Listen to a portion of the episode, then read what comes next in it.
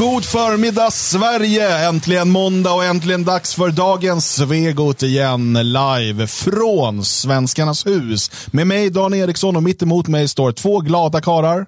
Ja, definitivt. Björn Björkqvist heter den ena. Och, Och Magnus Söderman är här också. just det. Den här gången kunde ni era namn. Ja, det händer ibland att vi blänker till. Va? Det är därför ni är med som expertkommentatorer här. Just det, just det. Välkommen till mitt program. Tack. Tack så hemskt mycket Dan Eriksson. Vi är glada att återigen få bevista denna studio tillsammans med dig. Du som leder oss mot framtiden mot, eh, och därmed också är ansvarig för allting som sägs. Eh, ansvarig utgivare är då Magnus Söderman eh, och eh, vi, andra har inget ansvar för Inget vad som ansvar sägs. överhuvudtaget. Är, det, är det så? Jag tror det. Kan vi det säga? så. Om man säger det så är det så, eller? Nej. Nej. Ja, ja, men det är på något sätt så. i alla fall. Någon är ansvarig. Vi Ja. vet inte vem. Vi ska ta reda på det idag. Ja, visa sig. Ta det försiktigt nu. Hörrni, eh, om två veckor, ungefär lite mindre, så är det ju femårsfest här i Svenskarnas hus och det finns ett par biljetter kvar på friasvenskar.se. Efter femårsfesten kommer det ske en del förändringar eh, med Dagens Svegot och du som är stödprenumerant kommer få ett eh, mail idag eh, och vi kommer också lägga upp på hemsidan där vi berättar om de här förändringarna. Eh, och vi kan ju säga så här mycket i alla fall att någonting väldigt saknat och efterfrågat kommer tillbaka. Absolut, och, och jag tänker också att alla autistiska lyssnare nu, jag vet att ni mår dåligt.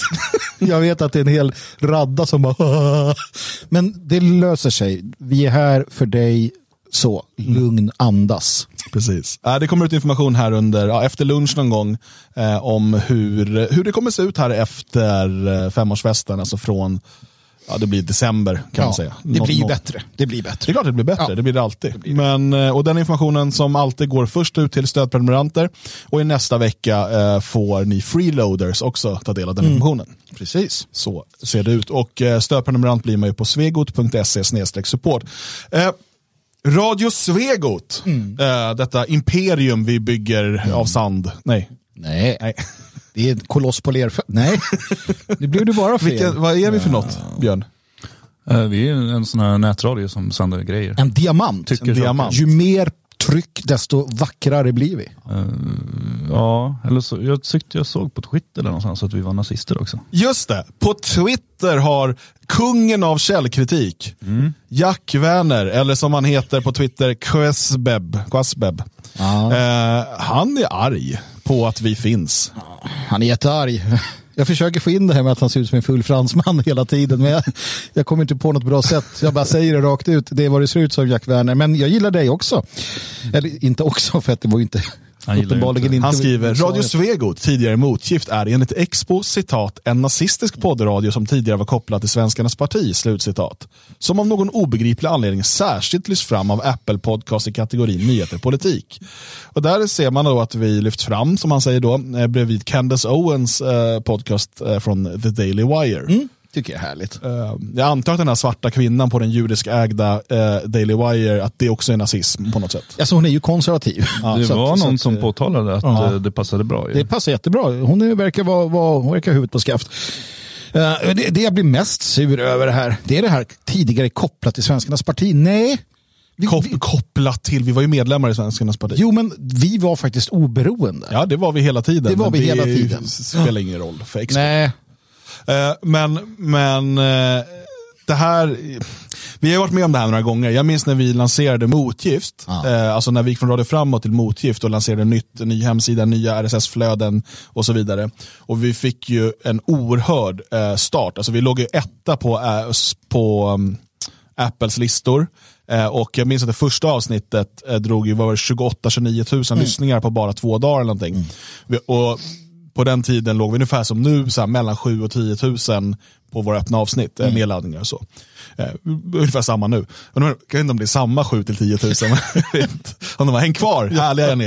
Eh, men då hade vi eh, 27-28 000 på typ två dagar och så bara pong, borttagna därifrån. För då var det också, då började de här människorna, "Ah, varför får jag upp förslag om den här? Tänk om jag måste lyssna på det här? Och det är ju flera i kommentarerna som förklarar det, att du måste ju inte lyssna, vad är problemet? Nej, man kan ju välja, det är ju ett fritt val. Eller så. Ja. Sen undrar jag det så här att ändå, av någon obegriplig anledning, han jobbar med källkritik, har det inte att göra med algoritmer, popularitet, intresse och så vidare? Eller har det med hans sökningar att göra? Alltså, det är ju inte vad- vad- Apple som sitter och handplockar de här. Nej, jag utan det har ju att göra det med att eh, vi förmodligen då i det läget när han var inne och tittade, just då var det många som laddade ner vårt avsnitt, det kanske var precis efter ett avsnitt kom ut och då har man, man ligger där i någon timme eller två och sen försvinner man, om man inte tillhör de allra största poddarna och liksom har, för det finns ju någon så här hetast just nu-lista och så finns det den stora topplistan och på den här hetast just nu-listan kan man åka upp ibland. Eh, Men ja, han är ju väldigt, väldigt arg för det. Ja, Men sen, men sen vet man ju inte exakt hur, hur det, alla algoritmer fungerar i olika, på olika plattformar. Och så här. Det här kan ju vara att han umgås mycket med människor som lyssnar på ungefär samma poddar och som de, de lyssnar ofta på våra också. Som gör att då, då lyfts vi fram för de tänker att ja, men, du lyssnar ju på det här, då borde du också tycka om detta. Ju. Jag tror att det, det som han är mest upprörd över det är att det är populärt, vilket också påpekas i, i kommentarerna till den här Twitter, Ja. eller tweeten då, att ja, men det kan ju vara så enkelt så att folk gillar Svegot, gillar det vi gör, tycker om de här avsnitt, eller de här, den här podden. Jag tycker va? det är roligt att, att, att Renässans Manet har fått panik av att loggan inte är centrerad. Ja, det där är Eh, också kul. Vi går ju också och stör oss på det med jämna mellanrum, men vi tycker att det är kul. Ja. Vi ser det som en konversationsstartare. Ja, men absolut. det absolut. funkar Det, det. ska ju liksom ifrågasätta vår eh, ifrågasätta oss lite grann där. Så att, nej, jag, jag är för. Sen, jag har vant mig. Jag tycker, jag tycker det är lite trevligt nu. Det är liksom ett, ett, ett modernistiskt inslag i en annars så konservativ poddradio. Ja, eller en liten högerförskjutning. Ja, det är, Men eh, superhistorikern Mikael Nilsson är i alla fall inne, eh, så då är det lugnt. Han är inne i tråden och Han förklarar. eh, han förklarar att Owens är nazist. Mm. jag undrar vad Candice skulle tycka om den lilla... Eh, De är så men det är ganska knäppa. kul att se eh, ration på den här, eh, alltså kommentarerna. Det är inte mycket, det är inte många liksom kramar och handhjärtan eh, från hans kompisar. Man ser ju att Elon Musk har tagit över våran fyrer, som vi kallar honom också. Oj, nu sa jag det inte. Alltså, ja, jag menar eh, Elon. Kamrat Elon. Elon. Är inte det ett namn som typ Superman? Säkert. Karl El, Elon. Ja, det känns som det. Ja. Skogsbroder, gråt din manskulting. Jag älskar den här typen av fina förolämpningar. Men det är lite tråkigt för jag gillar ju ändå Creepypodden som Jack Werner håller på med. Jag tycker han borde hålla på med den. Ja men Creepypodden är trevlig. Däremot jag menar, det han har byggt sin karriär på och blivit liksom lite känd som, det, det är ju när han satte igång på tidningen Metro en gång i tiden. Eh, som, eh, då, då hade de en speciell avdelning om källkritik. Och jag menar, det där var ju det var ju barnsliga grejer han kom med och sen blev prisad för. Så här, så bara, ja, ser du en bild, då kan du bildgoogla den. Så får du reda på om bilden har publicerats förut. Och alla bara wow, han kan det här, vad fantastiskt duktig han är. Och allting så här bara, bara ser du ett inlägg som verkligen, eh, ma- man märker att det här är satir, då kan du kolla om det är satir genom att ser vad, vad är källan för någon. Står det att det är en satirsida, då är det det. Eh, vet du inte vad sidan är, då, då behöver det inte vara sant. Alltså det var ju bara sådana barnsliga grejer och, och alla bara wow, vad häftigt och vad duktig han är. Ett, en hel journalistkår som bara imponerades av sådana basala grejer som vem som helst alltid har kunnat.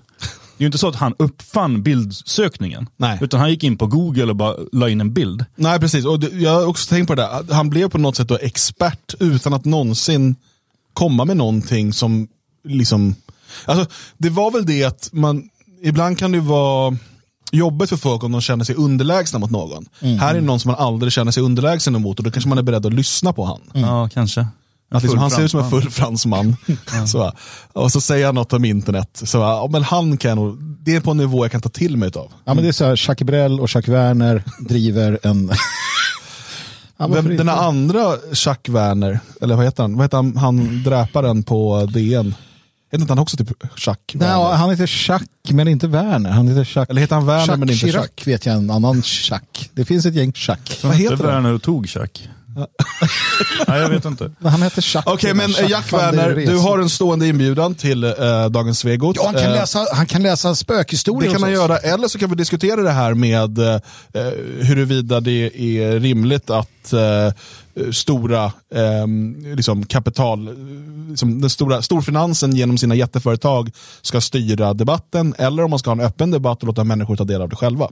Eh, det är en intressant diskussion och Jack Werner, du är varmt välkommen. Eh, du får inte betalt för att vara med här, eh, men du kommer få våran respekt i några minuter. Jag kommer nog inte vara med då. För du kommer bli Jag fanboyig. är särdeles dålig på debatter nämligen. Jag är inte alls bra. Dan däremot, han är ett geni på detta. Ja, jag är för känslomässig för sånt. Jag har blivit det med åldern. Ja. Börjar gråta, skrika. När någon säger emot. ja, kasta saker omkring mig i brist på att de är i närheten. Uh, ska vi gå vidare eller? För jag har en sak Ja. jag vill uh, i sådana fall inleda med. Ja, berätta. För vi ska ju prata om någonting som vi inte ska prata om och vi pratar om det i alla fall. Och, Vad är det för något då? och, och det är sånt som, alltså vi ska prata om individer och så vidare. Men jag vill ändå börja med Ja. att inleda att det här har varit ett bekymmer i, i minst 2000 år. Vilket då? Eh, att prata om, eh, om eller med eller om vissa individer som har en koppling till varandra. Och, och Det här tas till och med upp i den heliga skrift, det vill säga Bibeln, Nya Testamentet. För att där hade man också problem att prata om de här sakerna. Och, jag menar, vi ska nu vara lite bättre än Jesu lärjungar. Så För att vi ska ändå prata om det här. För att om vi läser i Bibeln, i Johannes evangeliet så står det Ingen hade mod nog att prata öppet om honom, för alla var rädda för judarna. Står det? Ja, dock talade ingen öppet om honom av fruktan för judarna. Alltså, Jesu lärjungar vågade inte prata om Jesus för att de var rädda för judarna. Och då tänker jag att eh, det ska man inte vara. Så låt oss prata om det vi inte ska prata om. Ja. Just det, det här är ett program som inte ska handla om judar. Nej. Utan om individer och sammanträffanden. Ja, och man ska inte vara rädd för att prata om individer och sammanträffanden. Nej. Som Jesu lärjungar var. Eh, Fast vi gick det för Jesus. Ja, jag Det var värt att tänka på kanske. Ja. Vad säger Kanye West? Alltså vi, vi kommer kanske kunna ana ett mönster när vi pratar, men det är ett Eller inte. slumpartat mönster i så fall. Ja. Det betyder ingenting. Inte ens för 2000 år sedan betyder det något. Nej. Nej. Jag vill bara vara klar med det. den som Tydlig med det. ser mönster eh, är ju antisemit. Ja, precis. Det kommer vi kunna konstatera, inte minst genom vissa uttalanden här som vi kommer titta på. Just det. Men v- var ska vi börja någonstans? För att det som sker just nu... Var det eh, klezmer vi hörde? Ja, det var... Fantastiskt dålig musik. Hawa säga. Nagila var det. Ja, men den är trallig ändå. Ja, det är den ju. Bygger ju på Akvarmlen du sköna. Eller tvärtom. Israel har alltså det, den som sin... Eller tvärtom. Ja, det kan vara så att... Hade det varit Småland så hade det varit något. För då hade snåla smålänningar snott Hawa Nagila för de inte ville... Men, men eh, det som sker just nu eh, är väldigt intressant och, och jag har sett att ADL har ju varit ute och fäktat under, ja de har alltid gjort det, men, Ja. men just nu så är det verkligen så här, ja men antisemitism är på, eh, liksom, eh, ja, på uppåtgående och sådär. Yes! Nej, Ta det lugnt nej, nu. nej. det är eh, väldigt farlig situation och sådär. Inte för mig. nej, men, men, Nej, inte för dig Magnus. men, men, men jag skulle vilja hävda att ADL kanske har lite rätt här. Alltså, nu är begreppet antisemitism problematiskt, men jag skulle säga eh, the noticing, som det kallas för. Hashtag the noticing kan ni kolla upp på, på Twitter. Eh, alltså eh, att man börjat notera saker. Människor har börjat notera saker och se de där sambanden som inte finns. Ja, pre- ja, precis. Det är ju det de har börjat notera samband som är helt slumpartade. Um, och, och som faktiskt sådana, alltså det finns ju också självhatande judar som i många år till exempel han gitarristen utan fingrar, vad han nu heter, kommer jag inte ihåg. Eh, det finns en massa självhatande, Benjamin Friedman och andra, som, som säger att det stora problemet med den med, en del av judenheten, alltså en del av den judiska maktapparaten som de hävdar finns, det är att de alltid driver saker till sin spets till den milda grad att folk säger, men vad fan? Då ser många det och så driver de, och de menar då, de argumenterar för att den här judiska eliten drar elände över sig själva som sen eminerar ner till vanliga hyggliga judar. Va? Och de vill ju stoppa den här, äh, det här utnyttjandet som de menar pågår av det judiska liksom, namnet någonstans. Och jag säger inte att det är så eller inte, utan jag bara konstaterar att de säger det. Mm. Eh, för att det finns flera saker, vi ska prata om lite olika saker idag. Uh, ska, vi har ju pratat Kenny West tidigare och det kommer få oss att prata lite om Dave Chappelle som ju eh, nu har fått ADL väldigt ledsna i ögat eh, genom att säga saker som vi kommer till. Eh, och eh, Vi ska prata lite om ADL generellt. Eh, Dagens Nyheter är ute lite grann i de här träskmarkerna och, och pratar också. Men vi ska börja med ett, ett annat område där jag tycker mig skönja att också väldigt många börjar notera samband som absolut inte finns.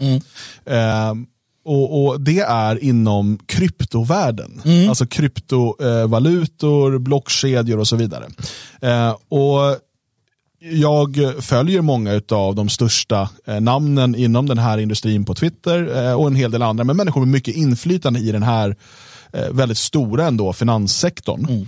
Eh, och de senaste dagarna har varit en väldigt intressant resa. Eh, dels allt som har hänt och som vi ska prata om lite grann med, med Sam Bankman Fried. Sam Bankman Fried. Eh, men också reaktionerna på det och hur eh, väldigt många har börjat se de här mönstren som vi inte kan eh, prata om. Eller ja, vi kanske kommer att prata om dem ändå, men det är inte det det handlar om. Vi ska alltså prata med en kille som heter Bankman. Ja, eh, Sam Bankman Frid. Han eh, startade, och vi kommer komma in kanske lite mer på detaljer, men vi kan säga så här, han startade då en, en kryptobörs som hette FTX. Okej. Ehm, och väldigt, väldigt snabbt eh, så fick han in väldigt mycket pengar från väldigt rika människor. Eh, och, och det här blev, jag tror det blev tredje största eh, kryptobörsen. Ehm, Det är inte illa. den, men framförallt så blev den de goda människornas kryptobörs. Okej.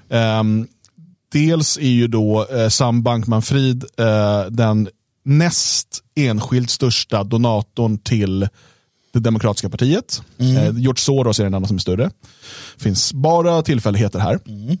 Eh, men också, han, han är djupt kopplad in till demokratiska partiet. Vi kommer komma till det där. Eh, men han, han lyftes då fram som du vet, den här väldigt goda människan, så han vill inte ens tjäna pengar. Han vill bara, ja, men han vill bara göra det här för att kunna ge, han är en filantrop. Nej. Precis som George Soros så är han filantrop som bara vill liksom skapa fred i världen. Han är vegan, han liksom kör en gammal bil. Jag vet, det är inte så bra för miljön kanske, men det, är- det är i alla fall visar att han vill inte vara Nej. rik. Nej, nej, precis. Jag ska, jag ska titta på ett, ett klipp, ehm, och det finns hur många som helst sådana här, på hur man har velat framställa Sam Bankman-Fried. Yes. Han kallar, kallar sitt eget system då Earn to Give. Jättefint. Fast med det, ja, jag vet inte. Det är här, jag tänker på, vad heter den, uh, Sällskapsresan? Så bara, ratta, ratta, ratta. Ja fast det där är inte, okej vi, ni ser på videon nu. Bankman-Fried är alltså den där tjocka lilla killen med afro bakom. Men är han så ung Bankman? Ja han är väl Han är 30 jätteung. nu tror jag. Oj, Ja. och så redan så altruistisk. Ja. Fantastiskt. Så här kan vi lyssna då, hur det, hur det låter. Which means his goal as a human is to make as much money as possible just to give it away. Earn to give. And that's exactly what he's doing. So say that you have $100 and you want to figure out what you can do with it to help the world. Earning to Give is thinking about which causes, which charities save the most lives per dollar. This $100 can go as far as it possibly can to help the world. Last year, this 29 year old guy donated $50 million. Next year, he's planning to donate $500 million a year. And next decade, he will probably give away more than $10 billion. The amount of good that you can do uh, for the future of the world is is really large, and it's way more than you can do to actually make yourself happy with anything like that amount of money. And he is funding everything you can think of global warming, It's one of the biggest problems that funding we have to tackle together as a world. COVID 19 preparedness, We have to be ready for the next pandemic. neglected tropical diseases, More than a billion people suffer from them. We have to eliminate these diseases. and of course, animal welfare. Animals deserve to live just like we do. It's also why I'm vegan. Sam doesn't need the money to buy a Lamborghini or to buy a Rolex or to impress his friends. In fact, his car is a Toyota Corolla. Hold on. Where, where's your car? It's uh, that one there. Där blev det That's like what, a bevisat. Toyota. Uh, yeah, it's a Corolla. Why don't you buy a Lamborghini, man? I didn't have any particular need for one.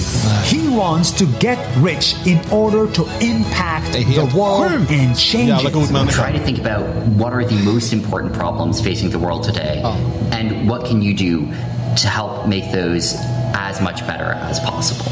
In the next few decades, Sam may become a trillionaire. He is an example that age is just a number and that making money is not a bad thing as long as you use that money to help the world. Ja, visst. Det finns ett ord för det här, men vi kan ta det sen någon gång. När det Han verkar ju jättesnäll Ja, den här men killen. alltså Bankman, Wow. Frid, det här är ju en god människa. Det ser man ju, han ger ju pengar till allt och alla, tjänar pengar för att ge pengar. Ja. Alltså, att, det är sjukt att folk gillar det här och går på det här och Ja, tycker ja. det här är en bra idé. Det Men finns- jag tyckte det bästa tyckte jag ändå var så, bara, han kör dessutom en sån här bil och sen så bara filmar honom, var är din bil? Där är den. Man bara, ah, där fick vi det bevisat, för han kan ju inte heller ljuga. Nej. Han är ju fantastisk människa. Han är, alltså, så här lyfter man fram honom då. Men lyfter han fram sig själv så här? Ja. Det här var hela hans, uh, hela hans uh, stick. Ja. Eh, alltså att, att Tänk om eh, jag skulle göra en sån här om mig. Men du saknar något som Wow. han har, vågar jag hävda. Det finns ju, han hade ju väldigt många allierade Ja. som hjälpte honom. Det kanske är som en följd av att han är bra på att göra här filmer. Ja, det eller, eller något annat. Det var inte hans egen film. Det här var ju, saken är att det, det som FTX gör, eh, alltså Sam Bankman-Frieds eh, kryptobörs FTX, är att man får in oerhört mycket pengar i, i investeringar till att börja med. Som man då använder också till att köpa olika typ krypto-influencers, alltså köpa reklam hos dem. För helt absurda summor.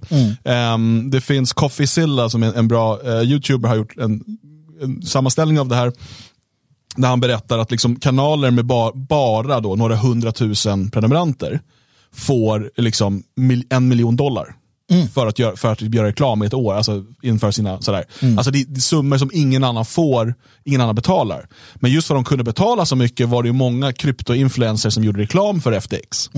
Eh, och, eh, så, så på så sätt kunde man snabbt bygga upp eh, en stor användarbas. Just det. Eh, och det ger ju makt i sig. Eh, man ska bara komma ihåg då att Sam Bankman-Fried är inte, liksom, han kommer inte från ingenstans. Alltså så här, att, att han bara är en, en judisk pojke från slummen i Tel Aviv som Okej. dyker upp och, och du vet. Ja. Utan han är ju då djupt insyltad genom sin familj i det demokratiska partiet, Ja. i eh, finanseliten, Asså. i den akademiska eliten och Nej. i World Economic Forum. Aha. Men du, jag, vänta, jag kom på en sak här nu. Ja. Har, vi pra- har vi berättat varför vi pratar Nej, om vi kommer dit. det här? Ja. Nej, men just så att... För jag ser att chatten inte riktigt vet än vart vi är på väg någonstans. Och det tycker jag är kul. Ja. För att så här, men han, det här kan man inte lita på va? Nej, nej ta det Nej, lugnt. det kanske man inte kan. Eh, alltså, bara, tycker vi bara bryter nu så tar vi resten i nästa avsnitt. eh, hans eh, mamma då, Barbara Fried, eh, hon är eh, professor på Stanford. Oj. Eh, men hon är också grundare och ordförande då för eh, Superpacken Mind the Gap. Alltså en, Oj, den är ju jättekänd. ja, det är en, största... jättestor organisation för att samla in pengar till det demokratiska partiet. Ja, Eh, ja han hade... okej. Den är väldigt nära kopplad till Barack Obama eh, och Joe Biden. Oj, ja. Eh, och eh, ligger även bakom en massa sådana här eh, organisationer, eh, liksom NGOs, Center Voter Info, eh, Sådana som informerar hur, hur man ska... ja, men som ja. ser till att svarta ska komma och rösta på Demokraterna och sådär. Just det. Eh, man kan också säga att FTX är en officiell, eller vad, de har tagit bort det från sin hemsida, men en officiell partner då till World Economic Forum. Eh, och ehm, det finns kopplingar via hans bror dit och via en, en, en eh, moster. Och, alltså, det är verkligen så insyltat i det här. Eh, och vi kan komma till fler sådana saker. Men låt oss då bara förklara, varför pratar vi om FTX nu? Har vi fått betalt för att göra reklam för dem? Ja, nej, det har vi ju inte. Va? Och tur är väl det. För att då hade man stått här och skämts lite grann just nu. För det blev inte så att han blev, alltså vi vet ju inte, han kanske blir triljonär inom ett decennium. Kanske. Men- eh, om han är, ja det beror lite på hur, vad som händer nu. Men eh, det har varit en hel del, man kan säga så här, att det finns inom kryptovärlden eh, så finns det de som ser på krypto framförallt som ett, ett, en möjlighet till frihet eh, från det gamla finanssystemet och så vidare. Och där har väldigt många man hatat honom. Ja. Eh, medan människor som kanske mer kommer från den traditionella investmentvärlden eh, har hyllat honom. Och, eh, så det har alltid funnits liksom en, en, en sån här en fight om är han god eller ond. Så att säga. Och vad, vad, vad, vad beror den på? Det, det senaste är ju att han då inför kongressen bland annat då har sagt att, för att han har ju då en, en kryptobörs som är en centraliserad börs. Man sätter in sina pengar dit och sen kan man handla och köpa, eller köpa och sälja krypto där. Det är som att du sätter in det på en, en aktiebörs, dina pengar. Just eller det. Ja.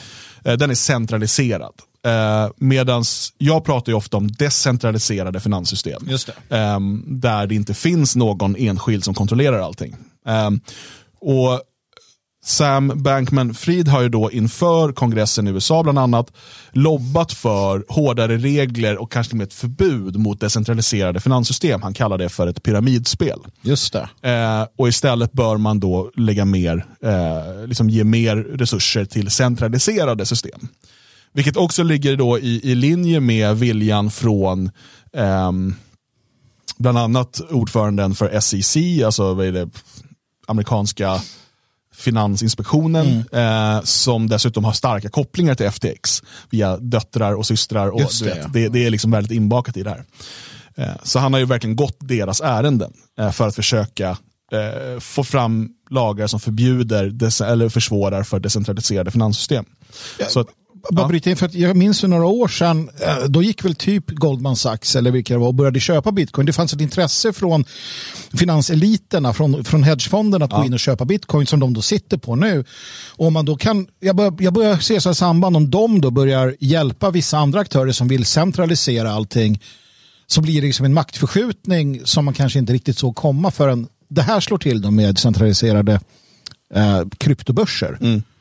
Ja, jag bara, jag Ja, nej, så, så är det. Eh, och, eh, det har ju funnits stora institutionella intressen i FTX. Mm. Eh, och som då har lyft fram Sam Bankman-Fried. Istället för de här mer frihetliga, decentraliserade alternativen så lyfter man fram det här. Mm.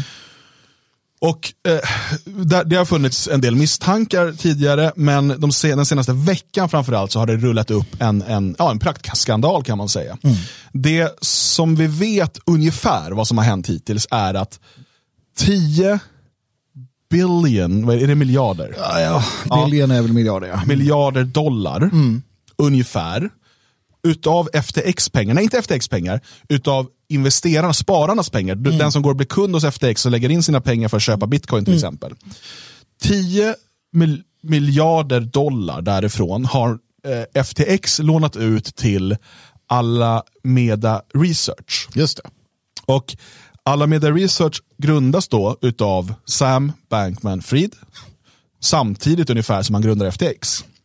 Och Det här är en, ett företag som håller på med eh, trading. Ehm, och Enligt användaravtalet på FTX så får inte, alltså då ska eh, kundernas pengar ska vara säkrade ett till ett så att säga. Om du sätter in 100 dollar så ska det finnas 100 dollar där.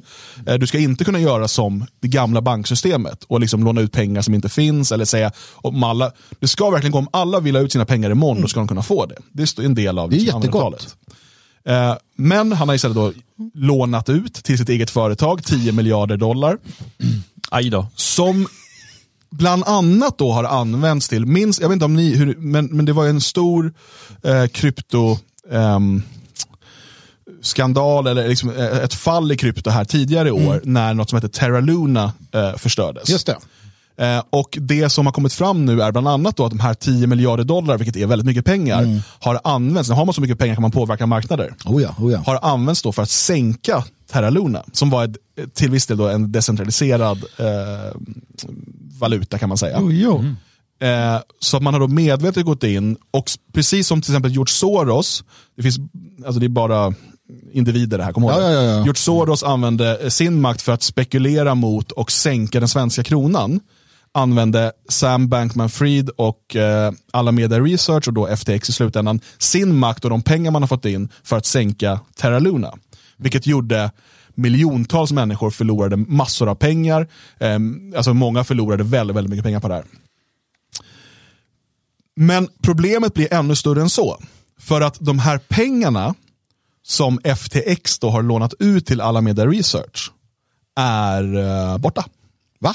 Nej. Ehm, Man har på olika sätt försökt eh, fiffla med bokföringen.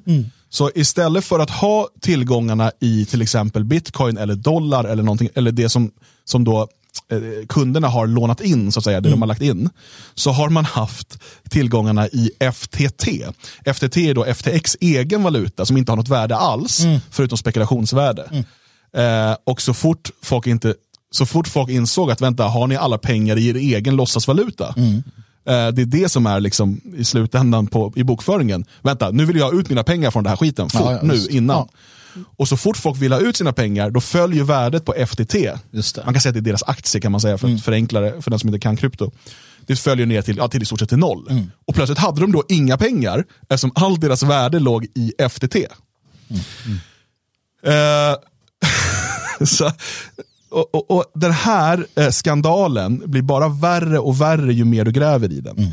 Alltså kom ihåg då att Sam Bankman-Fried är eh, den näst enskilt största donatorn till Joe Biden och Demokraterna. Vem, var, vem var störst där nu igen? Ja, han heter George Soros, är en annan kille. Eh, han är också filantrop. det. Det är det som det är det som är kopplingen mellan de två. Det är det de har de är i grunden goda människor Ja. som använder sin förmögenhet för att göra goda saker. Precis. Sen är de ju judar också. Det Jag vet. handlar inte om det. Nej, jag tycker ändå att det där var dumt. Men jag tycker när de har gjort någonting bra så måste man ändå kunna Jo, det är säga. klart. Alltså, så här, de är judar när de är goda. Nu kanske vi ska ta lugna oss med den judiska delen av Bankman, för den har inget att göra. När han är god så är det all Jewish. När han inte är god, då är det liksom att han är en individ. Ja, en misslyckad filantrop. Ja, misslyckat han ville till- väl, han men det blev väl- fel. Ja, liksom. precis. Det kan ju bli så. Ja. Men han sitter väl i fängelse nu då? Nej, han är på Bahamas. Det är som ett stort fängelse. Han hade ju också sitt företag registrerat på Bahamas. Ja, ja, ja. Eh, men men eh, det är lite oklart. Det, alltså, nu är det mycket spekulationer, men hans privatjet skulle då flyga iväg till Argentina. Vänta nu, han hade en Toyota Corolla. Och en privat... Ja, men, man kan inte flyga en Corolla. det är klart man inte kan. Jag har hört att Joakim Possner ringde och sa att jag har plats hos dig i Israel. Ja, vi får se om det är där han hamnar till slut. Ehm, men eh, alltså, det finns så många, så många kaninhål att gå ner i här. Jag vet inte, bara den glidningen om posten, det handlar alltså om att eh, rika judar som ställer till det för sig alltid flyttar till Israel innan de hinner gripas. Ja, eh, och eh, vad hette det? Inte alltid, men ofta. Nej, många Vad gånger. hette trust, fall. Trustor? Var det det? Tröstar, ja. Ja, Joakim Postner, han som då blåste svenska eh, sparare, va? Eller, jag kommer inte ihåg exakt. Mm, det var väl så. Eller var det Jag minns inte. jag läste den där boken, där, det var ganska, men det var Massa miljarder eh, stack till Israel av någon anledning, av en slump. För att det är där filantroper samlas tror jag. Det vara Och det. de lämnar inte ut han till Sverige såklart. Nej, de lämnar inte ut folk. Ja. För att han är ju kamrat. Eller? Även flera ryssar har ju stuckit dit där nu, av- av Putins närmaste män. Så, Ja. som har stuckit dit just. Det, de är filantroper också. Nå- De måste ha någon koppling. Så det är väl filantropismen här, eller vad det kallas för. Ja, något, något, det är filantropismen som kan gå fel ibland. Men alltså, jag måste bara säga en sak, för jag får en sån här... äh, Jag, vet, jag har sett så här, f- filmer om hur valuta kom till, hur pengar kom till och sådär. Och, och då började det som en bra idé och det var folk som, så här, men jag, liksom, nå, nå, någon smed eller vad de var som höll, höll liksom guldtackor åt folk och delade ut sedlar och det funkade bra. Sen började någon så här komma på, någon filantrop kom på att jag kan ju låna ut och så här. Sen Precis, och kontrollerade sen- de hela skiten. Ja, och så jag bara- kom, de kom, filantroperna, som vet inte hur det heter, eh, de kom ju på att man kunde låna ut pengar man inte hade. Precis. Det är ju precis det som hände här också. Ja, men, och det är ju det som jag gör mig lite orola, eh, orolad, orolig. Det är ju det att filantroperna har ju varit arga på eh, den här decentraliserade valutan. Det här med, med liksom, för det vi gjorde var efter 2000-3000 år, eller hur lång tid det tog nu att skapa den här, alltså de kontrollerade fiatvalutan, filantroperna. Sen så hände det här med, med internet och de har inte kunnat kontrollera det. Däremot nu så har de börjat hitta sätt att gå in och börja kontrollera det. Eh, och nu föll den här då. Men, och, eh, det finns många saker. En sån här sak som många tittar på nu, och det är väldigt intressant, det är ju att eh, i Ukraina eh, så drog man igång de här, eh, man skulle donera krypto. Och först till en början så var det bara, det var någon bitcoin-adress. Här, donera hit. Sen av någon anledning så, så skapade Ukraina ett eh, samarbete med FTX istället. Och, eh, så, att, så att de skulle ha sina pengar där. Ehm, och då må, måste vi bara tänka nu att USA skickar massa miljarder till Ukraina. Ja. Det är de största bidragsgivarna vågar jag nog hävda. Va? Som, som skapar en, eh, då, ett samarbete med FTX. Som i sin tur är den näst största bidragsgivaren till det demokratiska partiet.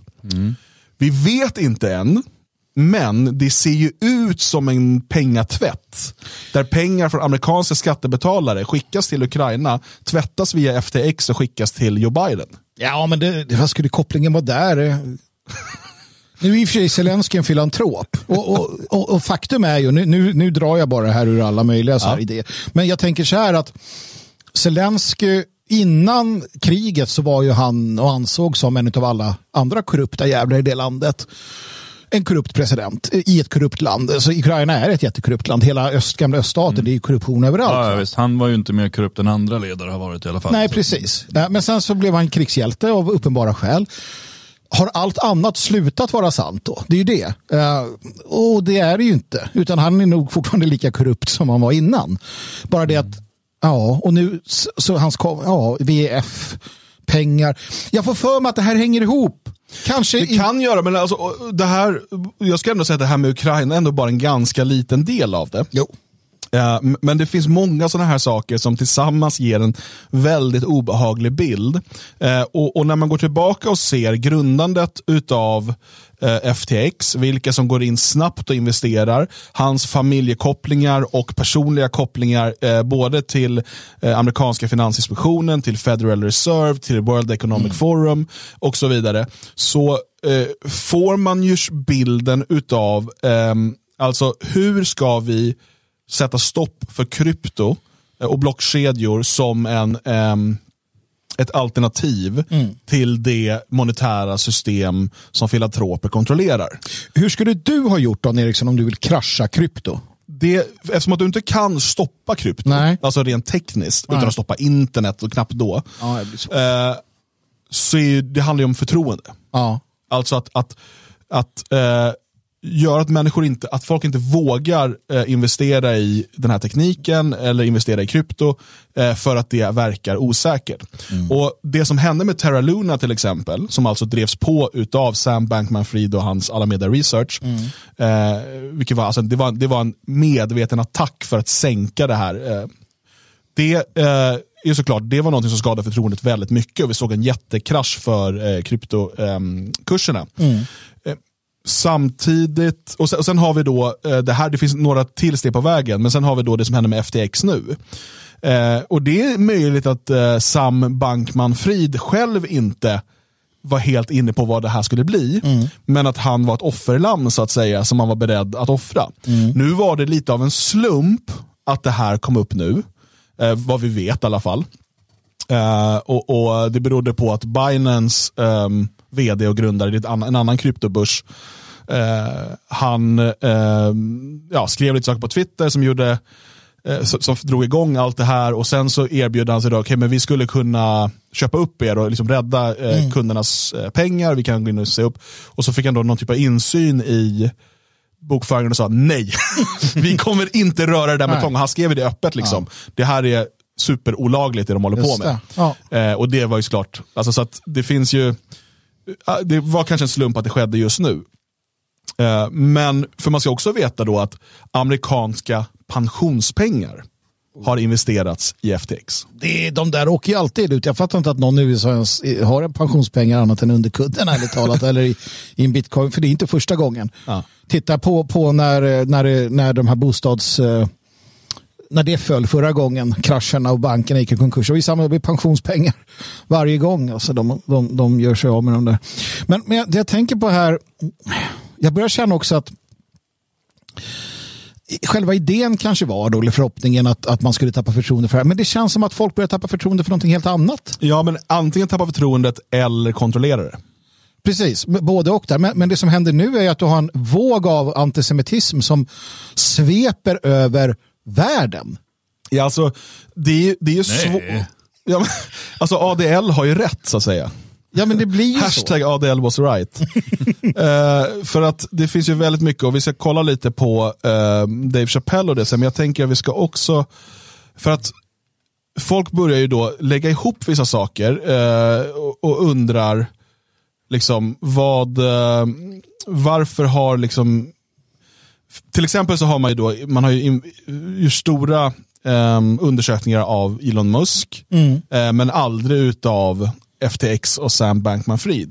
Elon Musk säger nej för att han är en av Demokraternas största eh, donatörer och därför kommer han aldrig, skulle han aldrig undersökas. Men George Soros som är den största donatören till Demokraterna, han är ju upphöjd som hjälte, som gud. Med, med hans jävla byk så, ja. Men då har ju FTX har ju då hävdat att man har, men vi har ju gått igenom en revision, vi har liksom, de har kollat igenom vårt system och sådär och hur det fungerar och vi, vi, liksom, vi är goda. Och då börjar ju folk upptäcka saker. Eh, det här är då de som har ehm, genomfört revisionen på, eh, hos Sam Bankman-Fried och FTX. Och säger, eh, då har vi då Tara D. Bechstein, Mitchell Appelbaum och Mark J. Ackerman. Tokiga namn de har. Typiskt filantropiska namn. Ja, men det är verkligen filantropi-släktsnamn det här. Ändå. Och de undersökte då Bankmans bank som gick ut på att kontrollera krypto. Ja, precis. Och de Eh, sa okej, det här är skitbra, allt är bra. Precis, här är, här är det inget eh, konstigt för sig. Och ju mer man börjar titta på alla de här kopplingarna så är det bara att det känns som jag håller på att läsa en inbjudan till en bar mitzva. Nej, till en filantropisk Ja, ja, förlåt. middag. Förlåt. Gud! Dan. Jag såg eh, Joe Biden var ute och höll tal här om sistens där han, där han svarade på och tyckte att man skulle undersöka Elon Musks, USAs president sa att man borde undersöka Elon Musks eh, affärer. Det, det är också sådär eh, lämpligt att det sägs så här nu. För Ja. Musk tillhör tydligen inte, Han, är har ju inte donerat så mycket till Joe Biden. Nej. Alltså man måste förstå att korruptionen går väldigt, väldigt djupt. Men i det här läget finns det också någonting mer. Alltså det finns en, eh, det finns en, en makt som är en, en, en typ av närmast tribal liksom, maktelit som, som känner sig hotad på olika sätt. Eh, och, och har ett, ett närmast sjukligt behov av att kontrollera allt. Vare sig det är finans eller s- tal. Alltså v- vad pratar man om, vem får tala och så vidare. Och, och det här, allt det här måste kontrolleras. Och det, för mig ger det också bilden av eh, en osäker och väldigt skör elit. Eh, som är livrädda för en, en fri debatt, eh, ett liksom vederhäftigt samtal där, där människor kan tala. Eller ett finanssystem där alla får vara med på lika grunder som faktiskt eh, i slutändan eh, krypto möjliggör. Även om det såklart alltid är så att den som har mer har mer makt. Så, så fungerar alla system. Men, men du, speciellt i ett decentraliserat finanssystem kan vem som helst gå in och, och ta en liten kaka av den vinst som banker idag gör till exempel. Eh, och det, det vill man ju inte. Eh, Nej. och eh, vi har ju då de senaste veckorna pratat en del om Kenny West, som han faktiskt heter. Så är det, Kenny West. Ja, och det har ju varit eh, Ja, där har man ju varit väldigt arg han ska, liksom, han, han ska förlora alla avtal med Adidas och allt vad det nu är. Och nu har ju då Dave Chappelle höll en, hade en stand-up rutin på Saturday Night Live. En annan, eh, eller han, han är ju då en, en afroamerikansk eh, väldigt populär komiker. Just det. Eh, En av världens eh, mest populära. Ehm, och Jag tror att han också är personlig vän med Kenny West. Just det, ja. Ehm, och Då sa han bland annat så här. Times again. This time he was on one. He was mad about something. He said, "I can say anti-Semitic things." Om Kenny. And Adidas can't drop me. Now what? Adidas dropped that nigga immediately.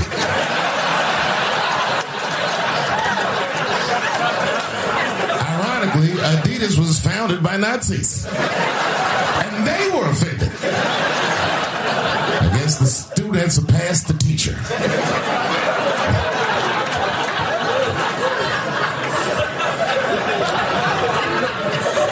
It's a big deal. He had broken the show business rules. Is this a rule? You know, the rules of perception. If if they're black, then it's a gang. If they're Italian, it's a mob. But if they're Jewish, it's a coincidence, and you should never speak about it. Nej, så där tycker jag inte man ska prata. Jag tyckte det var roligt. Nej, ja, fram till att de började ge sig på eh, Filantroperna. filantroperna. Nej, judarna. Nu, filantroper är en helt Nej, annan grupp. precis. Det här är judar. Han ger, judar han ger sig på också. judar. Skamlöst. Obehagligt, historielöst. Men eh, det kan man göra för att de har ingen makt. Alltså, Mm. Han ger sig på de mest maktlösa av alla för att eh, Sparka neråt. ja, han sparkar neråt. Så att, eh, han njuter väl nu. Det är väl ingen som gör något åt det här. Det finns en liten ideell förening i USA Aha. Som heter ADL. Jag vet inte om ni har hört talas om den. Nej. Anti-Defamation League. De är emot eh, skitsnack. Okej, jaha. Ja. men det måste... Man ska vara snäll. Man ska Ja. vara snäll. Ja, Eh, de, det är en väldigt filantropisk eh, förening kan man säga. ja. ja okej, mycket Mm. filantropi där. Ja. Eh, och ehm, de har då en eh, ordförande som heter Jonathan. Ja. Jonte. Ja. Jonte Greenblatt. Jaha, okej. Ja, det var ett sånt där roligt namn igen som kom där. Okej, men Han ja, skriver det då på Twitter så här. We shouldn't expect Dave Chappelle to serve as society's moral compass, Mm. but disturbing to see NBC not just normalize but popularize anti-Semitism. Why are Jewish sensitivities denied or diminished at almost every turn? Why does our trauma trigger applause? Ja, men vad fan. Han, han, han menar ju att det är judar det handlar om. Men alltså, ja, precis. Det, men det som Chappelle säger är att eh, han driver med stereotyper till viss Ja. del. Och så säger han, men när det handlar om judar då, får man, då är det alltid bara en, en, ja, en slump. Ja, Liksom. ja. Eh, och sen säger han någonting om att det finns två ord man aldrig får säga tillsammans i Hollywood. Och, sådär. Eh, och det är the och Jews. Mm. Eh, han säger också eh, att eh, ja, eh, Kanye kanske är knäpp och sådär, men alltså, jag har varit i Hollywood. Det är många judar där. Det är Ja. väldigt många judar. Det är typ det som är skämtet. Ja, men det är som Joe Labero i, Las Vegas som bara, det är många judar och bögar. Då bara, du din jävel. Ja. Ehm, Nej, ja, det får man inte säga. Nej, men de har ju, det är ju det här, och bara för att så här, visa det hur uppenbara. var det ADL grundades, minns ni det? Ja, eh, det var en, en så här, en, en, en filantrop. en, Nej, en, nej nu blandar ihop en jude. Ja. En man som också var jude. Ja. Eh, eh, Återigen, det, det, här är återigen, det här är inga mönster, utan det här är... Han kunde lika gärna varit någonting annat. det kunde han ha varit, men han, var, han råkade vara jude. Han, han anklagades för att ha, ha våldtagit och mördat en, en liten flicka. Han blev eh, dömd för detta eh, och sedermera lynchad av en, en lynchmobb. Ja. Det här föranledde alla judar i hela världen att gå ihop eh, för att försöka få den här människan då frikänd. Alltså eh, juden som Dömdes för dömdes att ha våldtagit och mördat en, Precis. ett litet flickebarn. Ehm, och eh, då, det är så det här börjar då. Då, Då För att- grundas ADL. Ja, för att skydda en judisk eh, Pedofil pedofil våldtäktsman och mördare. Ja. Eh, De hävdar ju än idag att han var oskyldig naturligtvis, men ja, rätten sa att han var skyldig. Eh, sen kan man tycka man vill ha pöbel, pöbelhängningar, va? Men, men ja. Eh, Så, så grundas det då. Var det inte, vad hette hon, Mary va? Jag minns faktiskt, jo jag tror det. Mary Fagan, kan Ja. det ha varit det? Little Mary Fagan. Ja. Kan ni läsa om, jag ska se att jag har rätt bara. Nej men så att det är så det börjar. Eh, Och vi pratar alltså om, inte bara om att ADL genom, genom Jonathan Greenblatt är ute här, utan vi har eh, stora liksom, eh, religiösa ledare och så vidare. Alla går ut nu och attackerar eh, SNL, kanalen NBC och ehm, Dave Chappelle.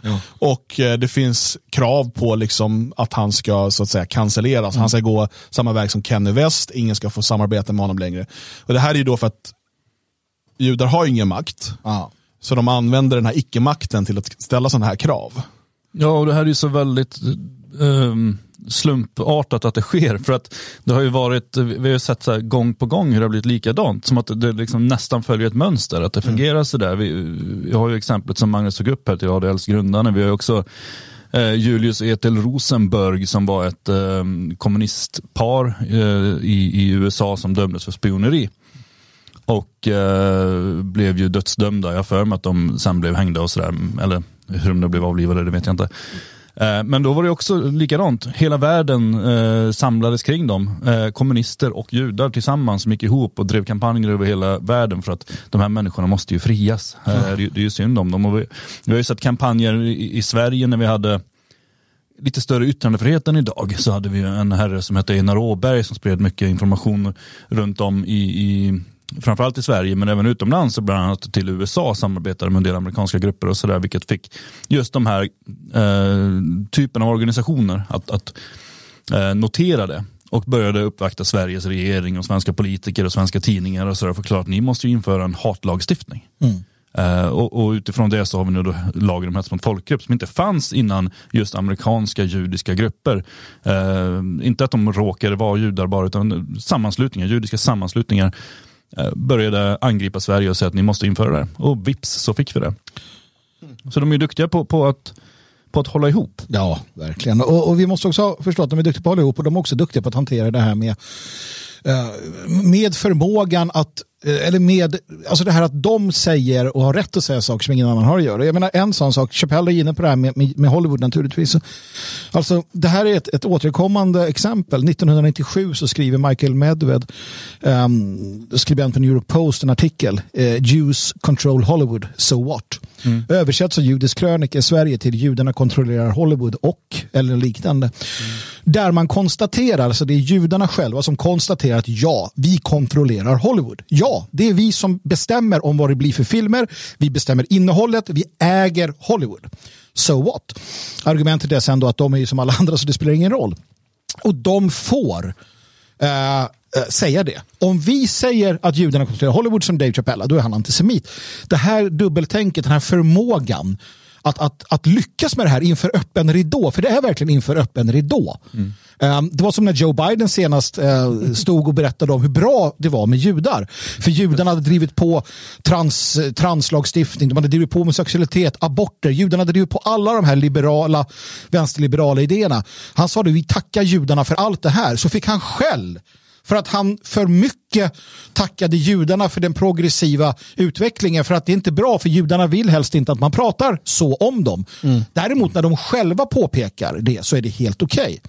Och, och eh, icke-judar över hela världen oavsett ras sitter där och är dumma i huvudet och accepterar hela tiden narrativet. Varför? Jo, som samma sak som för 2000 år sedan. Det, Vi är rädda för judarna och deras makt det, det är så intressant det som händer på Twitter nu och vi ska komma lite på Twitter här. för att eh, då, då, har du ju dels då krypto-Twitter som bara, du vet, eh, det är klart att det finns olika, en del som liksom bara pratar rent så här, ja men man blandar inte in det judiska här, men det finns ju en hel del som gör det också, som jag aldrig har sett prata om sånt här förut. Och liksom frågar, finns det liksom en, en lojalitet här som går utanför eh, de, de, andra normala liksom affärslojaliteter och så.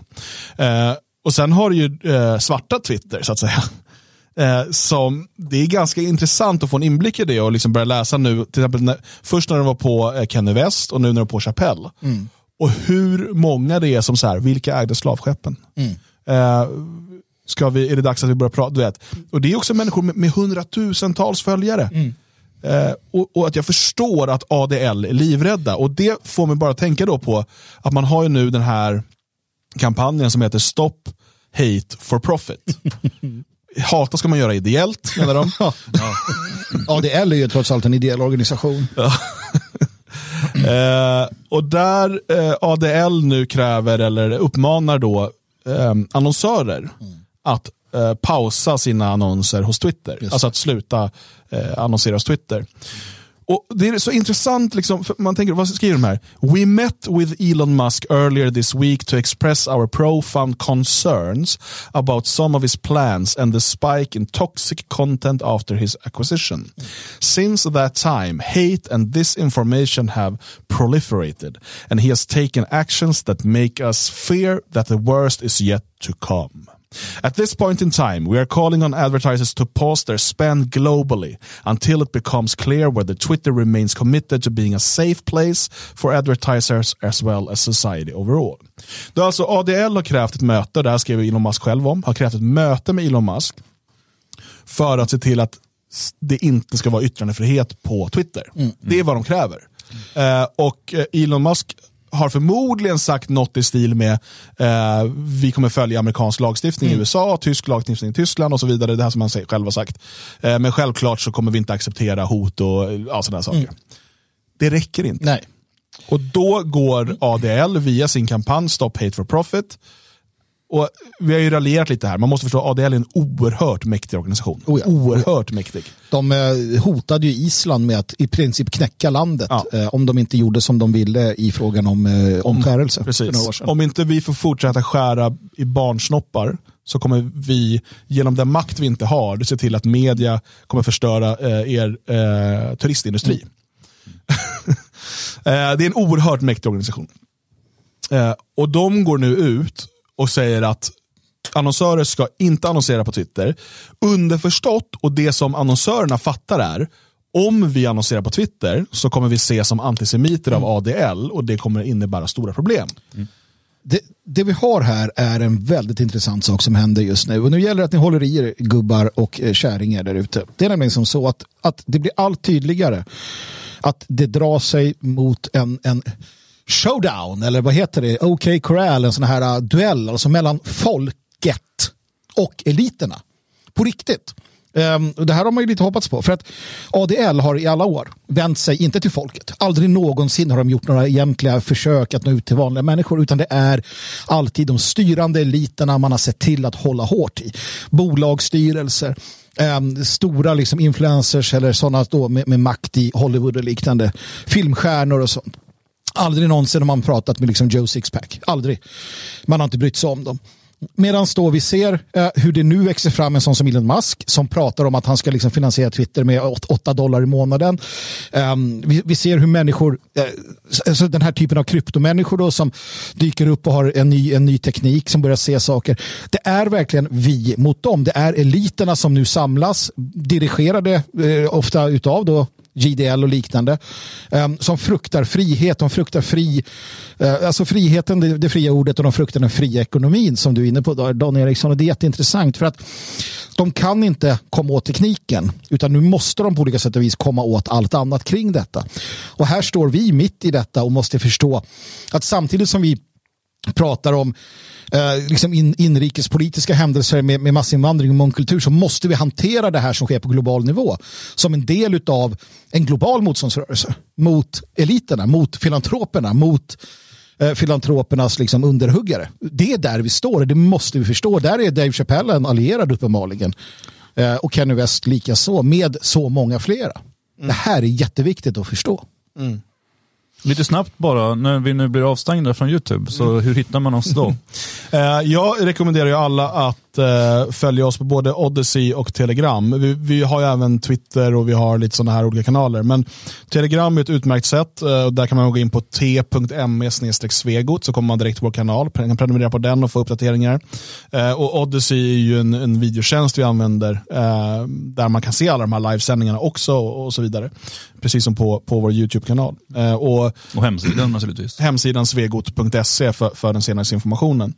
Eh, vi kan ju konstatera att vi har ju byggt upp eh, stor publik på YouTube några gånger. Mm. Eh, och vi vet att det kommer till en gräns. Nu har vi inte vuxit så fort i prenumeranter, mm. men vi ser ju en, en ständig tillväxt här. Eh, senast, ja, ja, någon gång hade vi 10 000 prenumeranter, sen någon gång hade vi 6 000, men det brukar vara där runt 5-6 000, det börjar bli jobbigt. Mm. Nu eh, vi håller inte tillbaka något, vi, vi, liksom, vi anpassar oss inte efter YouTube, det finns mm. ingen anledning. Eftersom att när de gånger vi har gjort det har det inte spelat någon roll. Man blir avstängd ändå när de Precis. bestämmer sig. Eh, så att eh, använd absolut YouTube för att liksom sprida och sådär. Folk är ju vana att gå in på YouTube. Men Följ, prenumerera på Radio Svegot på Odyssey, eh, följ oss på Telegram eh, och ha för vana att besöka svegot.se. Eh, väldigt många, vi såg kommentarer bara igår att det var någon som hade hittat oss här bara för några dagar sedan och mm. tyckte det var jättebra. Använd inte YouTube som liksom din primära källa för Radio Svegot. Alltså, eh, utan du bör slutar det dyka upp program plötsligt så kanske du glömmer bort att det finns den här källan att ta del av. Mm, eh, så att Odyssey och Telegram är eh, rimligt. Ja, och hjälp till att dela, dela, dela, dela. Alltså mm. dela rent, inte fysiskt, men liksom klipp ut en länk till vår hemsida, dela på dina sociala medier och skriv det är här vi, det är här vi håller koll, för det är där all, allting liksom kommer dela med sig utav. Mm. Um, så det är jätteviktigt bra där, uh, Björn, att du tar upp det, för att uh, det här är ju Ja, vi får se. Jag hoppas att vi är kvar imorgon också. Mm. Uh, det är inte omöjligt. Uh, vi får se. Jag bara noterar när vi pratar om Elon Musk här. För 16 timmar sedan så, så tweet, twittrade han Twitter feels increasingly alive. Alltså, eh, jag är oro, orolig för Elon Musk eh, och hans framtid. Han kommer, på, något sätt som för jag har sett det med Ford. Eh, vi såg det med Kryger. Vi har sett det med, med icke-filantropiska affärsmän genom, genom tiderna. Eh, Charles Lindberg, han var inte affärsman på det sättet, men det var en uppburen icke-filantrop som fick sitt barn mördat Ja, men efter han var väl hade... filantrop om man ska se hur ordet är på riktigt. Ja, du menar så. Ja. Mm. ja, men nu vill jag inte... Ja, I alla fall så har det gått illa för människor som utmanar eh, filantropin i, i världen.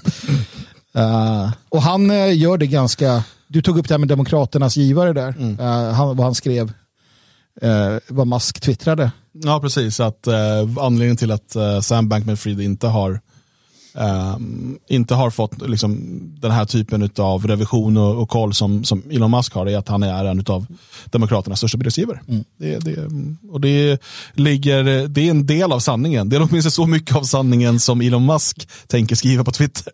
Ja, han blir i alla fall inte avstängd, det kan vi vara säkra på. Men uh...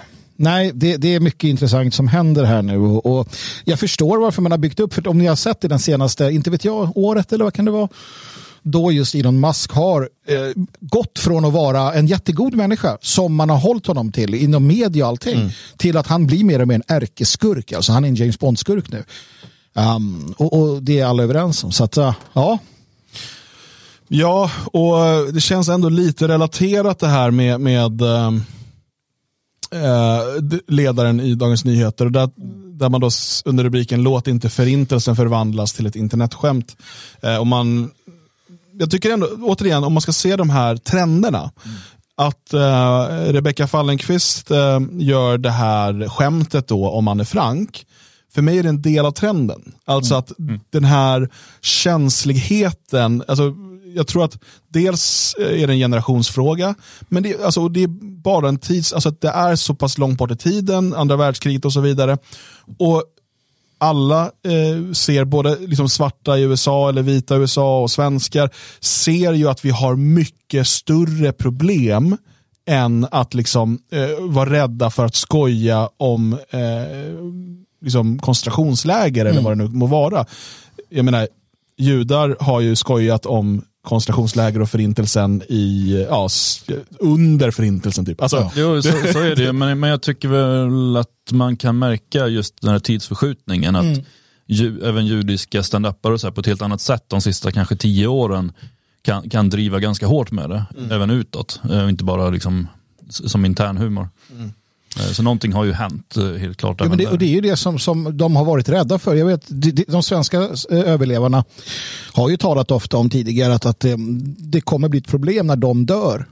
Det var därför man försökte liksom etablera idén om ett, ett, ett trauma som man, man, man alltså att traumat förs vidare. Det finns ju föreningar som Förintelsens barnbarn och Precis. sånt nu. De åker runt och berättar om vad farmor ja. har sagt. Men det slår inte igenom på samma sätt, vilket är fullt förståeligt. Så fungerar mm. människor. Mm. Och de, har, de tappar sin makt med tiden här. Och det är det de också ser. Och de blir, du var inne på det väldigt tidigt här i samtalet, Dan. De är desperata.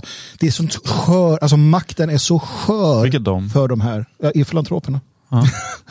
eh, och, och, något som är genomgående när det gäller just eh, förintelsen och, och, hur man ska eller får tala om den är ju att den ska vara ett exklusivt lidande. Mm. Eh, det judiska lidandet ska vara exklusivt. Och jag bara, eh, som man skriver då själva här i Dagens Nyheter ehm, på ledar, ledartexten, jag vet inte, den är osignerad. Eh, man har ju en filantropisk chefredaktör mm. Eh, och en filantropisk ehm, ägarfamilj. Ja. Ehm, men man skriver då, eh, i Italien tillhör den nya premiärministern Giorgia Meloni och hennes högernationalistiska parti Italiens bröder de som gärna jämställer dödandet av italienare vid krigets slut med förintelsen. De allierades bombningar av Dresden under kriget kallas numera för bombförintelsen av krafter inte bara i Tyskland. Eh, och sen har man då det här exemplet på att vaccinmotståndare bar eh, gula stjärnor. Eh, och eh, sen skriver här, en av talarna, säga, Polen förnekar inte förintelsen, bara att landet hade något med den att göra, sammanfattade han. Det har varit någon sån här förintelsekonferens igen. Och när förvanskningen bedrivs av staten betyder det att det finns enorma resurser för ändamålet. Men det är det här med att det ska vara ett unikt lidande. Mm. Eh, det, det, det lidande som, som judar utsatts för under andra världskriget eller innan eller efter mm. eh, är, det är liksom värre än lidandet för något annat folk. Mm. Och så avslutar man ju um, så avslutar man hela den här ledartexten. Om svaret är nej, låt förintelsen vara. Låt den förbli vad den är. Ett unikt exempel på mänsklig ondska. En fasa som aldrig, aldrig får upprepas. Och det är intressant mm. någonstans uh, att det är ett unikt exempel på mänsklig ondska. Det finns uh, väldigt många exempel på mänsklig ondska och de är lika unika. Uh, och det är det här som det, det är som, som i alla fall, en, ja, inte, det är inte alla judar. Låt oss vara tydliga med det. Jag vet att det kan låta som. Hashtag men, inte alla judar. Nej men det är definitivt inte alla judar. Uh, som som, som uh, drar, alla judar kan dra nytta av det. Man får pengar från Tyskland och så vidare. Absolut, det finns en del att göra där. Men det finns en, en um, elit naturligtvis också bland det judiska folket som gör allt de kan för att sko sig. Och de får ju också kritik av andra judar som inte alls delar denna utan som ser ett problem med det. Precis som att vi har vita människor som är en del av det här och du har svarta människor som är en del av den här liksom, den högre, de högre echelonerna av globalister och annat pack. Um, men det är här de är livrädda för att att, alla, att lidandet ska på något sätt vara universellt, att alla folk kan lida. Alla folk har lidit och vi har varit varandras bödlar och varandras liksom, alla har jävlats med alla. Och det är inte unikt. Det är inte unikt. Mänsklig grymhet är inte unik och mänskligt lidande är inte unikt. Och så fort människan förstår det, då faller allt det här. Mm. Och det är det de är livrädda för. Mm. Så att därför ska vi hjälpas åt att förstå att mänskligt lidande inte är unikt, utan att alla människor kan råka ut för, har råkat ut för och kommer råka ut för. Ja, och eh, jag menar, hela den här idén om att liksom ett folks lidande är värre. Mm. Alltså det ligger också i linje med om man, om man, om man dessutom har en, en övertygelse om att inte bara att man är Guds utvalda folk, för att det har alla eh, vettiga religioner om, om det är folk som utövar den. Precis. Däremot idén om att, ni, att de är de enda människorna och resten av mänskligheten finns till för, för att mm. slava mm. åt dig. Mm. Vilket är eh, liksom en del utav en, av, av den judiska tron. Mm. Eh, har man den inställningen då är det klart att herrefolkets lidande är alltid värre än slavarnas. Mm. För de finns ändå bara där för att tjäna dig, Precis. enligt din egen tro. Ja. Eh, och, och, och, därför blir det, det, är därför vi hör det från, från det här hållet. Och det var kul att vara på YouTube. Ja, men det var det. Och vi, eh, vi tackar för den tiden. Och vi kommer snart dyka upp med ett nytt namn på YouTube naturligtvis. Håll utkik. Håll utkik efter det. Uh, för att uh, det brukar bli så. Mm. Nej, men jag tycker just den här unikhetsstämpeln som man vill ha, liksom, att, att det är lite viktigare, lite heligare på något sätt är ju ganska intressant och talande. Och vi har ju sett det många gånger i debatten när, när människor, nu, nu tog de upp här med eh, covid-debatten och sådär, men jag menar det har ju varit eh, Sverigedemokraterna angriper sossarna för att vara de riktiga nazisterna och sossarna angriper Sverigedemokraterna för att vara det och så vidare. Och någonstans där så dyker det då och då upp judar, till exempel den här um, Judiska ungdomsförbundet som är lite aktiva på Twitter här och var och börjar liksom att hallå, ni kan inte jämföra för att uh, det här är mycket heligare, mycket mm. viktigare, ni kan inte dra in det här. Däremot så finns det, och jag brukar ta upp det lite då och då, men jag tycker det är alltid värt att komma ihåg att vi, vi hade för några år sedan, 1998, en artikel av Basia Frydman och Salomon Schulman. Mm. Där de menade att eh, den judiska kulturen dödas av den svenska staten som fullföljer Adolf Hitlers arbete. Oj. Eh, och, eh, det låter inte bra. Ja, och detta för att man just då inte ville göra jiddisch till ett minoritetsspråk i Sverige. Utan tyckte att ni kan väl själva läsa era böcker utan att man ska kunna ringa till vilken myndighet som helst och få någon som svarar i telefon på jiddisch och berättar någonting. Hur många judar i Sverige kan ens jiddisch? de är några stycken, men alla kan ju också svenska. Ja. Så det är sådär, det, det, behövs liksom inte, men det här var liksom att ah, men nu dödar ni den judiska kulturen. Att man, att man i Israel när landet startade förbjöd jiddisch. Mm. För att man ville att alla skulle samlas kring hebreiskan. på hebreiska ska också tilläggas. Ja, ja. Det är det man skapade, ett nytt språk. Där. jo, men även jiddisch är ju ett hittepåspråk. Ja, det, det, är ju typ en sån här för, för, förfulning av tyska. Liksom. ehm, och, och, lite holländska och man blandar in, alltså det, det är ju ett gettospråk. Men eh, ungefär som att ja, nu måste vi göra Rinkeby-svenska till ett minoritetsspråk. Så bara, nej, eller så bara låtsas vi inte om det. Vi, vi struntar i det. Eh, men i alla fall, så, så, att det resulterar i, och där var det inte massa andra judar som eh, bara, nej, hur kan ni göra så här? Ni kan ju inte jämföra att inte göra jiddisch till ett minoritetsspråk med en förintelse av sex miljoner människor. Men det kunde de göra i lugn och ro. Och resultatet blev att Sverige nu har jiddisch som ett minoritetsspråk, eh, som en följd av den artikeln. Mm. Och det är ju sånt här då som eh, just judiska, så kallat självhatande judar varnar för. De säger att den här liksom den här extrema ingruppsextremismen leder till att Kenny West eller andra börjar säga saker. Och det börjar få människor att tänka att men är det så här? Och så blir det problem och trassel. Eh, och det är det man inte vill. Så att, eh, ja, jag vet inte var det slutar någonstans men uppenbarligen så händer det saker nu. Och det är intressant att följa. Mm. Ja, och vi fortsätter eh, följa det och det hoppas jag att um, ni gör också. Och som sagt, eh, risken är ju, så här, det är bara en tidsfråga innan YouTube tar bort oss, om det blir efter det här avsnittet eller något annat. är egentligen relevant. Eh, ni vet att ni kan följa oss på Telegram, ni kan följa oss på Odyssey, ni kan följa oss på Twitter eh, och framförallt svegot.se. Eh, och eh, vi behöver inte vara så ledsna över att liksom YouTube tar bort oss med, med ojämna mellanrum. För att det fantastiska med eh, det fria Sverige är ju att vi har Svenskarnas hus. Vi har en plats som är vår, som vi äger, där vi kan träffas och prata osensurerat om alla ämnen som är viktiga för oss. Mm. Det, det, är en helt otrolig möjlighet eh, som den, den nationalistiska oppositionen i Sverige har saknat under lång tid. Och nästa gång då vi är många som träffas här, det är ju den 26 november, då firar vi fem år med det fria Sverige. Eh, och där behöver vi inte vara rädda för att, att Google eller, eller eh, YouTube eller Facebook eller någon censurerar oss eller förbjuder oss från att, att tala med varandra. Utan där har vi yttrandefrihet. Där har vi högt i tak och långt i dörren och kan prata med varandra om de absolut mest um, både komplicerade och, och, och eh, vad ska man säga, äm, ämnen som berör. Mm. Eh, utan att eh, behöva vara orolig för att eh, cancelleras, som det så fint heter numera.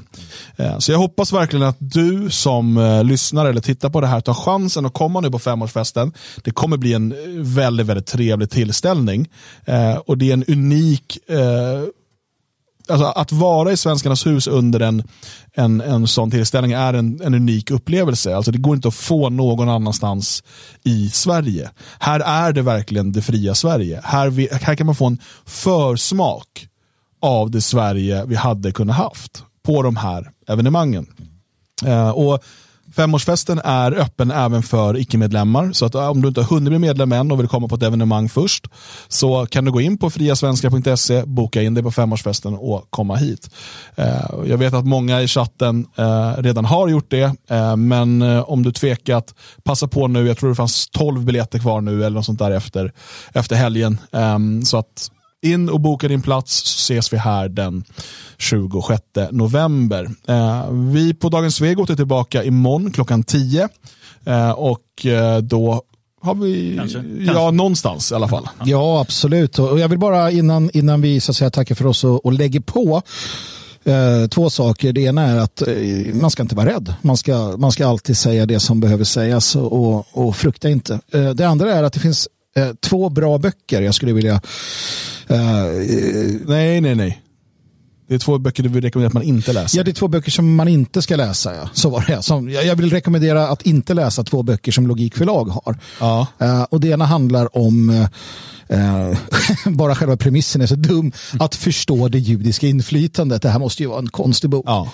För det finns inget judiskt inflytande. Men den här boken gör väl något roligt om det. Det andra handlar om den judiska rasismen. Lika dråpligt det är, eh, Björn ja. Björkqvist. Ja, det är galet. Det är David Duke som har skrivit den boken. ja. uh, jag vet inte vad jag ska säga om den. Nej, alltså det, det läs dem inte. Det är ju två böcker som finns bara. De finns på Logikförlag, logik.se. Ja, men läs men inte läs dem, för inte. du kommer säkert börja tro att det finns mönster och sådana här uh, samband och, och liksom. Nej, men Gör inte det, läs, läs, inte de böckerna. Uh, det kommer få det. Så, så kommer du säkert börja intressera dig för saker och ja. liksom sätta dig in i dem. Och börja, Tänka nej. fritt. Och så. Ja, nej, nej, nej.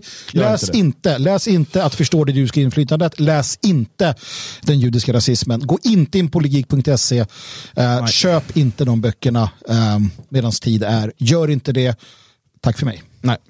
Bra. Eh, och Vi tar avstånd från allt vi har sagt idag och önskar en fortsatt härlig måndag.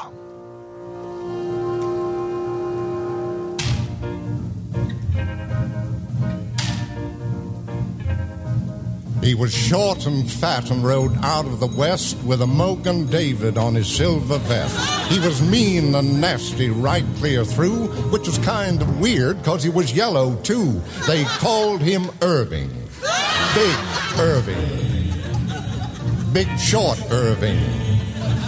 Big short fat Irving. The 142nd fastest gun in the West. He came from the old bar mitzvah spread, schlepping a salami and pumpernickel bread. He always followed his mother's wishes. Even on the range, he used two sets of dishes. Irving. Big fat Irving. Big sissy Irving. The 142nd fastest gun in the West.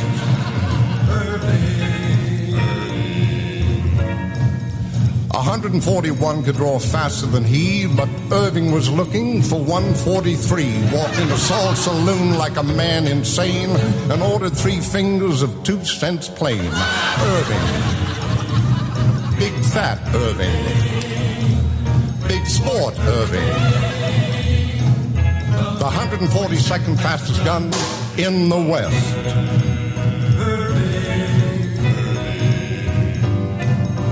James boys was coming on a train at first sun, and the town said, Irving, we need your gun. Well, that train pulled in at the break of dawn. Irving's gun was there, but Irving was gone. Irving. Big fat Irving. Big help Irving. The 142nd fastest gun in the West.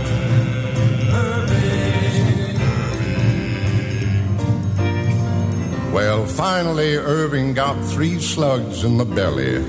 It was right outside the frontier deli. He was sitting there twirling his gun around, and Butterfingers Irving gunned himself down. Irving. Big fat Irving. Big dum dum Irving. Big dum dum dead Irving the 142nd fastest gun in the West. Really?